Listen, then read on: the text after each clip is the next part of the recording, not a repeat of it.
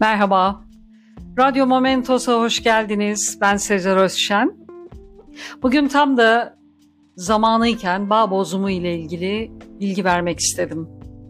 Hayattaki en güzel anları ve durumları kutlamak asırlardır gelen bir kültürün parçasıdır. Osmanlı'da baharın gelişini, düğünleri, doğumları ve zaferleri kutlamak, sosyal hayatı zenginleştiren ve bereketlendiren faaliyetler olarak bilinirdi. Günümüzde de canlılığını devam ettiren bu sevinçli günler insanları bir araya getirmektedir ve birlik duygusunu tazeler. Festivaller ve şenlikler evrensel bir durumdur. Güzel olan ne varsa, insana mutluluk ve huzur veriyorsa, bunun asırlarca devam etmesi sosyal yaşam için önemli bir faktördür. Ülkemizde de birlik ve bereket gelmesi için yapılan bağ bozumu şenlikleri her yıl hayata renk ve canlılık katmaktadır. Bağ bozumu üzüme duyulan bir saygının neşeye ve şenliğe dönüşmüş halidir. Üzümlerin toplanma zamanına verilen isimdir. Bütün yıl boyunca emek verilen üzüm ağaçları yılda bir kere meyvesini verecek ve üreticilerin gelir kaynağı olacaktır.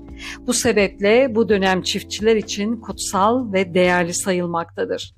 Bağ bozumu her bölgede kendi geleneksel kuralları ile yapılan ve değerli olan bir faaliyet haline gelmiştir. Bağ bozumu döneminin en kıymetli olduğu yerler arasında ise Bozcaada, Edirne, Kırklareli, Urla, Elazığ, Ürgüp, Gelibolu ve Denizli yer almaktadır. Ülkemizde bağ bozumu mevsimi her yerde sonbahar olsa da üzümlerin toplanma günleri aynı değildir. Genel olarak bağ bozumu zamanı Eylül ortalarından Ekim'in başı olabilir. Tarihin değişkenlik göstermesi üzüm üretilen iklimlerdeki hava koşulları olmaktadır. Üzüm bağlarına verilen bu değer yeni bir durumda değildir. Yunan mitolojisine kadar uzayan bir geçmişi vardır. Geçmişten gelen bu kültür hızla gelişen turizm sektörü sayesinde ülkemizde daha da canlılık kazandırmıştır. Olgunlaşan üzümler, gerekli kontroller yapıldıktan sonra bağ makası veya bağ bıçağı ile toplanır. Büyük bağlarda birçok kişinin de el birliğiyle daldaki üzümler özenle toplanır. Üzümler şarap veya sirke yapılması için kasalarda bekletilir. Daha sonra kullanım amacına göre fabrikalara gönderilir. Yunan tanrısı Dionysos bu neşeli günlerde elinde şarap ile tüm halkın eğlenmesini izlermiş. Her üzüm toplama döneminde ülkede eğlence ve huzur söz konusu olurmuş.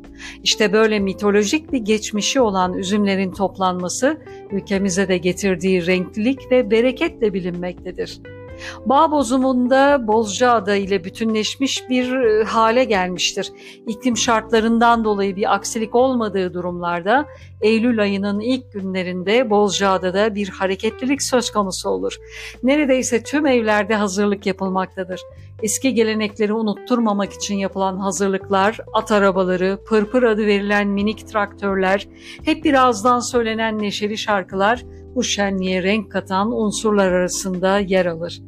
Çanakkale Bağ Bozumu Festivali günümüzde Bolcaada ve Gelibolu'da büyük heyecanla kutlanmaya devam ediyor.